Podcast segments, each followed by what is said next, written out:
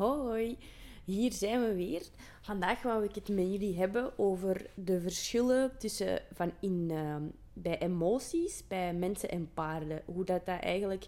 we hebben allebei emoties, maar bij een paard is dat toch wel een heel stuk anders als bij een mens. En um, hier wou ik het graag wat uitgebreider over hebben. Het grootste verschil, naast het feit dat wij als mens veel meer verschillende soorten emotie kunnen ervaren, um, bijvoorbeeld jaloezie en die zaken, wij hebben heel veel, um, een groot aantal emoties. Bij paarden is dat minder. Die hebben zo hetgeen wat ze wel vaker noemen enkel de oeremoties. zoals angst, boosheid, um, geluksgevoel, die zaken. Maar over de soorten wil ik het niet per se hebben. Nu, dat, is ook, dat spreekt een beetje voor zichzelf. Ik wil het voornamelijk hebben over het verschil van hoe dat wij ten opzichte van onze emoties staan. Want dat is ook een, een reden waarom dat wij ons soms moeilijker kunnen plaatsen in het gedrag dat onze paarden vertonen. En het verschil is voornamelijk dat wij als mens uh, bewust met onze emoties kunnen omgaan. Niet altijd, of het is een beetje afhankelijk van de situatie. Als er iets um, heel intens zich voordoet, dan kunnen wij ons zeker ook helemaal in onze emotie voelen. Ik wou het woord verliezen gebruiken, maar dat is misschien niet helemaal juist. Dan is onze emotie juist super belangrijk voor onze overleving. Maar op alle andere momenten hebben wij de capaciteit om eigenlijk bewust te zijn over de emoties die dat we voelen. En omdat we wij dan ten opzichte van de paarden wel woordenschat ook hebben, kunnen wij ook met onszelf aan de slag, met ons gedachteproces dat rond die emoties hangt. En daar zit nu eigenlijk het grote verschil bij die paarden. Paarden hebben geen woordenschat. Waardoor dat zij ook echt niet de capaciteit hebben om als ze iets voelen, om te redeneren rond hetgene wat dat ze voelen. Wat dat zij voelen op dat moment is gewoon puur hoe ze zich voelen. En zij kunnen daar niet over nadenken. Uh, in de post heb je dus eh, bijvoorbeeld uh, dat voorbeeld geschreven dat als je je frustreert aan iets... ik had dan een voorbeeld gegeven over dat je partner um, een bord op de afwas laat staan uh, in, in de plaats van in de afwasmachine zet, dat bovenop de uh, afwasmachine zet. En dat dat je super gefrustreerd kan maken als mens. Dat je zo echt, je ziet dat staan en je kunt echt zo beginnen koken van woede van binnen. Maar wat dat wij kunnen doen, is dat op dat moment kun je in eerste instantie met jezelf beginnen redeneren. En dan kun je tot het bewustzijn komen van, kijk, deze persoon die dat doet, um, dat is mede een deel van zijn persoonlijkheid of haar persoonlijkheid. Stel je voor dat die persoon dan uh, bijvoorbeeld wat chaotischer is en zo van die zaken. Uh, waardoor dat ook heel veel mooie eigenschappen met zich meeneemt. Dat hij heel spontaan kan zijn als hij thuiskomt. Dat er dan echt zo een, een, leuke sfeer kan zijn. Dat jullie goed kunnen lachen. Al die zaken. Of dat jullie op leuke avonturen gaan. Uh, maar dat die chaotische persoonlijkheid gewoon ook met zich meeneemt dat hij uh, minder gestructureerd is, vaker dingen vergeet en bijvoorbeeld zaken op de afwasmachine laat staan. Daarnaast heb je nog eens als optie 2, als je je zo voelt, om daar met andere mensen over te gaan praten. Dus je kunt met andere mensen dan gaan babbelen over: oké, um, ik voelde mij toen weer super gefrustreerd. Ik had echt zin om te roepen en tieren. Of misschien bent je meer uh, als reflex dat je dan in jezelf kruipt en dat je uh, de rest van de avond niet kunt communiceren met je partner. Maar je kunt in elk geval achteraf of zelf op het moment zelf naar een van je vrienden bellen en zeggen van oké, het is weer zover, ik voel mij weer zo, uh, kunnen we daar even over babbelen. Dat kun je doen. En als derde optie heb je ook nog eens de mogelijkheid om zelf met die persoon in kwestie het daarover te hebben. Over hoe dat, dat, wat dat bij je teweeg brengt. Um, hoe het makkelijker zou zijn voor u, hoe dat die andere persoon zich voelt in die situatie, waarom het moeilijk is voor hem om dat daar niet in te steken of haar, um, of, of hoe, dat jij dat kunt leren loslaten, zo van die zaken. Dus je kunt eigenlijk bijzonder veel doen als mens als je um, die emoties hebt. Bijvoorbeeld ook als je gaat buiten wandelen uh, in het donker en je ziet iets en dat triggert angst bij je, dan kun je met jezelf ook over je angst discussiëren. Van, ah nee, hetgeen wat ik gezien ga hebben, dat gaat waarschijnlijk gewoon een wapperend zeil geweest zijn. Of ik ben al twintig keer hier voorbij gewandeld en er is ook nog nooit iets gebeurd. Of ik ben eigenlijk nu extra angstig omdat ik gisteren die horrorfilm gezien heb. Zo van die zaken allemaal. Dus we kunnen bij ons eigen daarover redeneren. En net omdat onze paarden dat niet kunnen, gaan wij als mens ook moeilijke rekening kunnen houden met hun emoties. Want voor ons is dat super logisch dat je kunt redeneren over wat je voelt, dat je daar grip op kunt hebben, dat je iets kunt doen aan hetgeen wat je voelt. Um, waardoor dat wij dat van, van de dieren rondom ons eigenlijk ook verwachten dat zij dat kunnen doen. Niet bewust, maar je, je hebt de, de reflex um, van waarom doen zij dat niet. Je gaat niet, niet, niet, per se dat letterlijk denken, maar dat instinct gaat wel in je boven komen.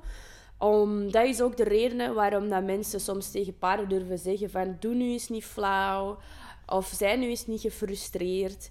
Um, omdat wij dus dat aanpassingsvermogen hebben om bewust in onze emoties te staan. Dus je moet je dat eens proberen voor te stellen, dat als je angstig voelt, dat je niet met jezelf kunt praten ondertussen over hetgeen wat je voelt dan. Dat je gewoon puur angst voelt.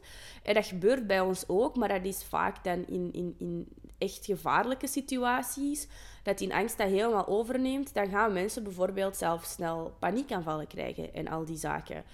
Um, dus stel je dat eens voor. Je bent angstig of je bent gefrustreerd en je zou op dat moment niet de mogelijkheid hebben om met jezelf in dialoog te gaan. Hoe diep zou die emotie dan gaan bij je en hoe moeilijk zou het dan zijn om, om u uit die emotie te halen? En als je dan meer op focust, dan kun je je veel beter plaatsen in waarom onze paarden bepaalde zaken doen. En dan is het ook makkelijker om er voor hun te zijn als ze die zogenaamde ongewenste, tussen haakjes, emoties voelen. Dat wij eigenlijk op dat moment er echt voor hun moeten zijn en de situatie moeten aanpassen, waardoor dat ze uit die emotie kunnen komen, maar dat wij niet kunnen verwachten dat ze dat van zichzelf kunnen doen. Dat is echt onze verantwoordelijkheid. Um, als je daarover nadenkt, dan wordt het ook duidelijker dat als bepaalde gewoontes zich afspelen of patronen zich afspelen, dat die paarden uh, automatisch terug die emotie van gaan bovenhalen. Dus hetgeen waar ik eigenlijk naartoe wou gaan, was bijvoorbeeld dat stuk van dat jij in Tonker over de straat aan het wandelen bent en je ziet dat zeil wapperen. Dan kun je tegen jezelf zeggen van ik ben al twintig keer door deze straat gewandeld en er is nog nooit iets gebeurd. Of je kunt je gsm vastpakken om dan uh, snel iemand op te bellen of dat toch in de buurt te hebben. Maar dat paard die gaat door die straat lopen en die twintig keer dat hij of zij door de straat is gelopen en die angst heeft gevoeld, die gaat net die angst enorm versterken. Want die, gaat die, die gaan triggers binnenkrijgen, die gaan geuren binnenkrijgen, die gaan visuele impulsen binnenkrijgen, die eigenlijk in hun systeem die emotie terug boven halen. Dat, dat systeem zegt van hier is het gevaarlijk geweest, dus wees extra alert. En elke keer als dat paard opnieuw door die straat gaat lopen, gaat hem daar eigenlijk angstiger en angstiger worden. En hij gaat nooit de capaciteit hebben om te denken in zichzelf. Nu ben ik al 50 keer door die straat gewandeld en ik ben nog altijd niet opgegeten door een wolf. Ik zal maar gewoon niet bang zijn in die straat. Nee, want ik um, ben niet zeker of ik dat al in een aflevering gezegd heb. Hè? Maar die paarden hebben geen letterlijke herinneringen. Daarom dat ik ook zo graag over die emoties wil praten. Dus dat wil zeggen dat als um, er iets gevaarlijk heeft afgespeeld in een situatie, ik gebruik altijd hetzelfde voorbeeld. Het spijt me als ik het al een keer verteld heb aan jullie. Uh, maar stel je voor, je bent met je paard in een binnenpiste en er valt een stuk van plafond naar beneden. Dan verschiet je allebei super hard. Um, de volgende keer als jij met je paard in die binnenpiste gaat komen, dan gaat jij naar boven kunnen kijken en kunnen zeggen van... Amai, dat is hier super mooi hersteld. De piste is zelf gewoon veel mooier. Misschien is het zand ook vervangen ondertussen tijd en zo. Dus zo van, oh nice, ik kan eindelijk terug binnenrijden. Maar uw paard die gaat gewoon angst voelen en die weet absoluut niet meer waarom. Die zijn systeem zegt gewoon, hier is iets gevaarlijk gebeurd, wees op je hoede. En als dan dat stuk plafond groot was en vlak voor jullie voeten is gevallen, dan gaat eigenlijk je paard waarschijnlijk angstig zijn in elke binnenpiste dat hem tegenkomt. En als het stuk echt op jullie beiden is gevallen en dat hem bijvoorbeeld echt een wonde had of genaaid moest worden en van die zaken, dan gaat je waarschijnlijk een paard hebben dat onder geen enkel afdak meer durft, omdat dat eigenlijk uh, gelijkaardige impulsen zijn als er toen gebeurd is in die binnenpiste. En dan zegt dat systeem van dat dier, hier is het gevaarlijk, hier moet je weg zijn. En daarvan komen um, dat, dat wij soms niet kunnen plaatsen waar paarden bepaalde angstlinken vandaan hebben. Maar om terug naar die emoties te gaan, um, gaat het dus over dat redeneren dat zij dat niet kunnen. Dus als je daarop focust, dan kunt je je ook voorstellen als paarden bepaalde oefeningen echt lastig vinden, zoals bijvoorbeeld hoeven geven, dat ook al doet je dat duizend keer, dat je eigenlijk enkel alleen, alleen maar die frustratie gaat groter maken, omdat je dat patroon bevestigt. Um, die hoef gaat omhoog, jij staat daarnaast in die, visueel, in die visuele impuls. Jij staat met je rug naar je paard toe en jij bukt naar beneden. Je raakt je, dat been aan op exact dezelfde plaats als je altijd doet, met exact dezelfde handgreep als je altijd doet, om dat been omhoog te vragen. Dan gaat dat um, instant die frustratie triggeren van die er de vorige keren ook altijd is geweest. Dan, dan gaat dat paard boos worden, uh, want zijn systeem zegt van er gaat hier iets komen dat je niet oké vindt. Um, dus verzet u daar maar tegen. Maar allemaal niet zo bewust, hè? Maar, maar er gaat gewoon een oppositiereflex bij dat dier getriggerd worden. En zolang die situatie blijft van ik ga um, uw been proberen opheffen, proberen vasthouden, proberen tegenhouden, al die zaken, totdat jij loslaat, dan is de kans heel groot dat het alleen meer en meer frustratie gaat opwerken en dat je op den duur niet eens meer naar het been van je paard mocht kijken, omdat dat al een voorspeller is dat je interactie maakt met zijn benen, met hetgeen wat hem nodig heeft om te vluchten in, in gevaarlijke situaties, waardoor dat dan die emotie al sneller en sneller en sneller naar boven gaat komen. Dus ik weet het, uh, er wordt heel vaak gepraat over je moet vasthouden en loslaten als je paard doet wat je wilt. Op zich kloppen al die uh, redeneringen van je paard moet de juiste release geven om uw release te krijgen, maar dat is, werkt enkel als je laagdrempelig genoeg bent met die dieren. Dus dat je niet over die, die, die, um, die stress- of frustratiedrempel gaat, want dan gaat je die emotie gewoon enorm bevestigen. Dus dat werkt enkel als je werkt vanuit die ontspanning eerst en dat je dat mooi in, rustig in tussenstapjes opbouwt, niet te lang doet, al die zaken. Um, daar heb ik het veel over gehad in mijn andere uh, podcast, die dan ook noemt ontspanning eerst. Maar dat is dus een, een, een risico waar wij rekening mee moeten houden. Uh, ik ging jullie nog enkele praktijkvoorbeelden geven. Hè. Dus los van dat hoeven geven, kunnen we um, bijvoorbeeld ook gaan kijken naar angst. Angst bij trailers is altijd een heel makkelijk voorbeeld om te gebruiken. Veel paarden zijn heel angstig om op een trailer te gaan.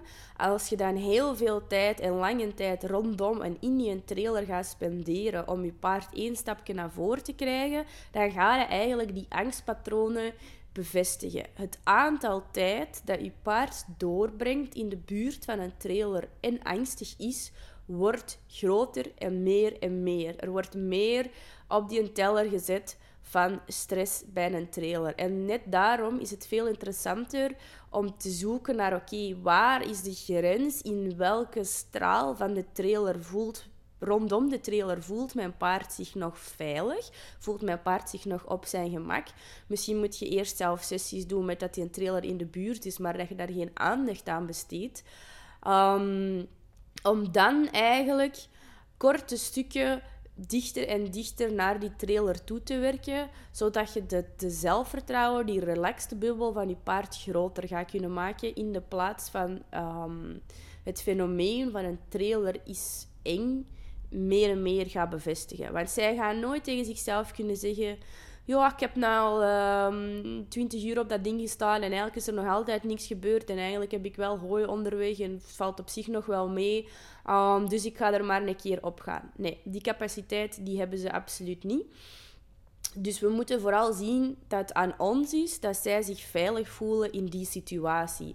En als je dan dat gaat kunnen counterconditioneren, dus dat je eigenlijk de tegenhanger groter gaat kunnen maken, dat je paard positieve gevoelens ontwikkelt ten opzichte van die trailer, dan gaat je een dier krijgen um, dat zich ook echt goed kan voelen bij die trailer. Want wat wij wel hebben bij paarden, is dat zij um, als prooidier de, dat belangrijk is voor hun. Dus ze hebben de capaciteit om zich aan te passen aan situaties. Wat wil ik daar eigenlijk mee zeggen? Is dat um, als prooidier moeten zij... Ze kunnen zij niet altijd van alles angstig zijn. Want als je niet kunt filteren welke um, signalen, impulsen, geuren, beelden uh, effectief leiden tot pijn of gevaar, dan gaat je continu van alles bang zijn, waardoor dat als er zich echt gevaar voordoet, dat je geen energie meer gaat hebben om weg te geraken van dat gevaar. Dus daarom hebben die uh, prooidieren wel echt een super groot adaptief vermogen en kun je echt van die amazing dingen doen, zoals met je paard aan de zee gaan rijden en gaan zwemmen, zonder dat die daar bang van zijn. Het is wel mogelijk. Je kunt die heel veel aanleren. Dus ik wil met deze podcast niet zeggen van jullie paarden kunnen niks. Nee, absoluut niet. Maar het ligt gewoon super hard in onze handen. En onze eigen redeneringsvermogen, omdat wij dat net wel keigoed kunnen. Ik denk dat zeker bij een mens een heel groot deel van ons bestaan bestaat uit discussiëren in je eigen hoofd over wat je voelt en ervaart en naartoe wilt gaan en niet wilt. En al die zaken. Wij spenderen uren met onszelf in ons hoofd. Wij kunnen trouwens ook heel gevoelig zijn aan patronen en daarom um, in zaken blijven hangen en, en die dingen. Maar daar kan ik eens een ander moment eh, meer over hebben. Maar dus die twee dingen die kunnen haaks op elkaar slaan en we kunnen echt wel heel veel aanleren aan die paarden. Maar je moet in toog houden dat je juist het tegenovergestelde aan het aanleren zij in de plaats van dat je het patroon aan het bevestigen zij.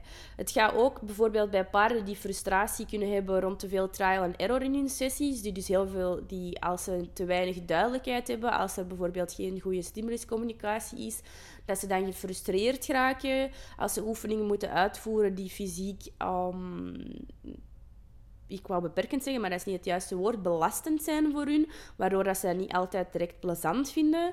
Uh, dan kunnen ze veel uh, frustratie en uiteindelijk ook rage ontwikkelen in hun sessies en dan kan het ook gevaarlijk zijn. Um, net hetzelfde daarbij, dan is het de bedoeling dat je je trainingen zo goed mogelijk aanpast. Dus eh, wat ze ook heel graag zeggen in de positive reinforcement, is dat je de situatie Um, de omgeving, de opstelling van je training, dat moet aanpassen zodat je dier zich eigenlijk daar goed bij voelt en dat het eigenlijk allemaal van, bij wijze van spreken, vanzelf gaat. Um, dat hem die, die emoties niet ervaart.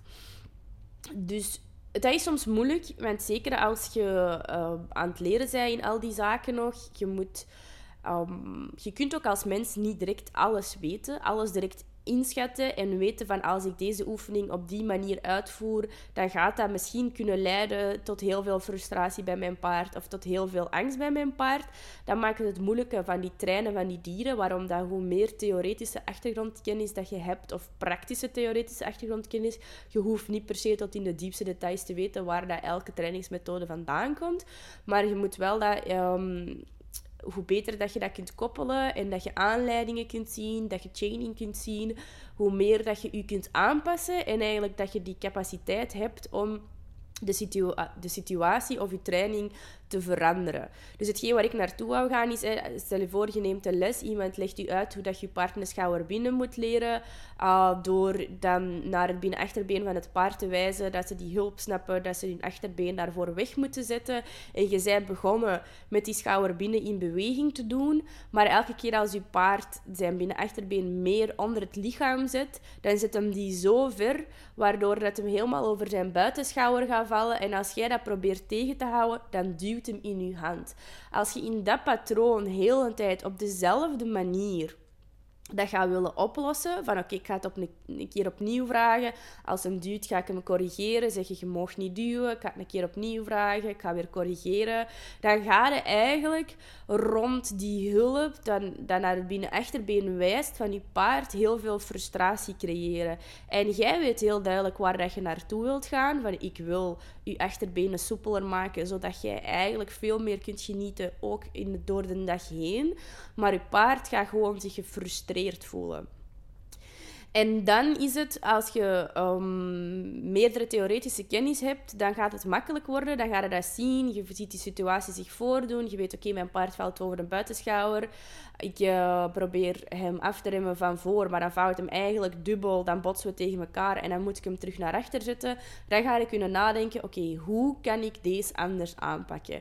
Bijvoorbeeld gaat je cue op dat moment om je paard te vertragen. Dus om niet het gewicht van achter helemaal naar voren te stuwen op het moment dat hem zijn been te ver. Die gaat misschien verwaterd zijn doordat je hebt gefocust op dat verplaatsen van dat binnen-achterbeen. En dan weet je, oké, ik ga een keer uittesten of ik deze cue beter kan verfijnen. Um, of dat je je, je paard eigenlijk een te grote impuls sprongelijk heeft aangeleerd op dat wijze naar dat binnen-achterbeen, waardoor dat hij een hele grote stap opzij zet. Want voor nu is het makkelijker om dan in die zijwaartse zaken te denken dan in die abstracte manoeuvres dat wij willen dat ze uitvoeren. Dus je hebt dat dan een paar keer beloond gehad van oh, dat is goed dat je je been hebt ondergezet. Je hebt hem daar rust voor gegeven, je hebt hem daar voer voor gegeven. En hij denkt nu eigenlijk dat hem zijn been heel ver onder zijn lichaam moet geven. Dan, moet je, dan gaat je kunnen nadenken van oké, hoe kan ik die overbeweging daaruit shapen? Kan ik misschien zachter mijn, mijn hulp opheffen? En als hem dan nog maar een klein beetje opzij stapt, dan al zeggen oké, dat was goed. Um, kan ik misschien trager dat opheffen? Um, of kan ik terwijl ik mijn zweep ophef mm, of mijn target zien dat ik mijn eigen pas versnel, waardoor dat mijn paard veel voorwaartser denkt en misschien minder de neiging gaat hebben om zijn been verder onder zijn lichaam te zetten en kan ik het zo belonen. Uh, er zijn duizend en één manieren hè, waarop dat je dat gaat kunnen oplossen om het beter te maken. Maar omdat jij op dat moment enkel maar een x-aantal handvaten geleerd hebt, want we kunnen ook niet alle mogelijke opties uh, meer meegeven in 45 minuten, dan ga je je focussen op je signaal en de beweging dat je eruit wilt krijgen. En dan ga je, dat, in die emotie vallen van dit is logisch, we gaan dat blijven herhalen tot het juiste eruit komt.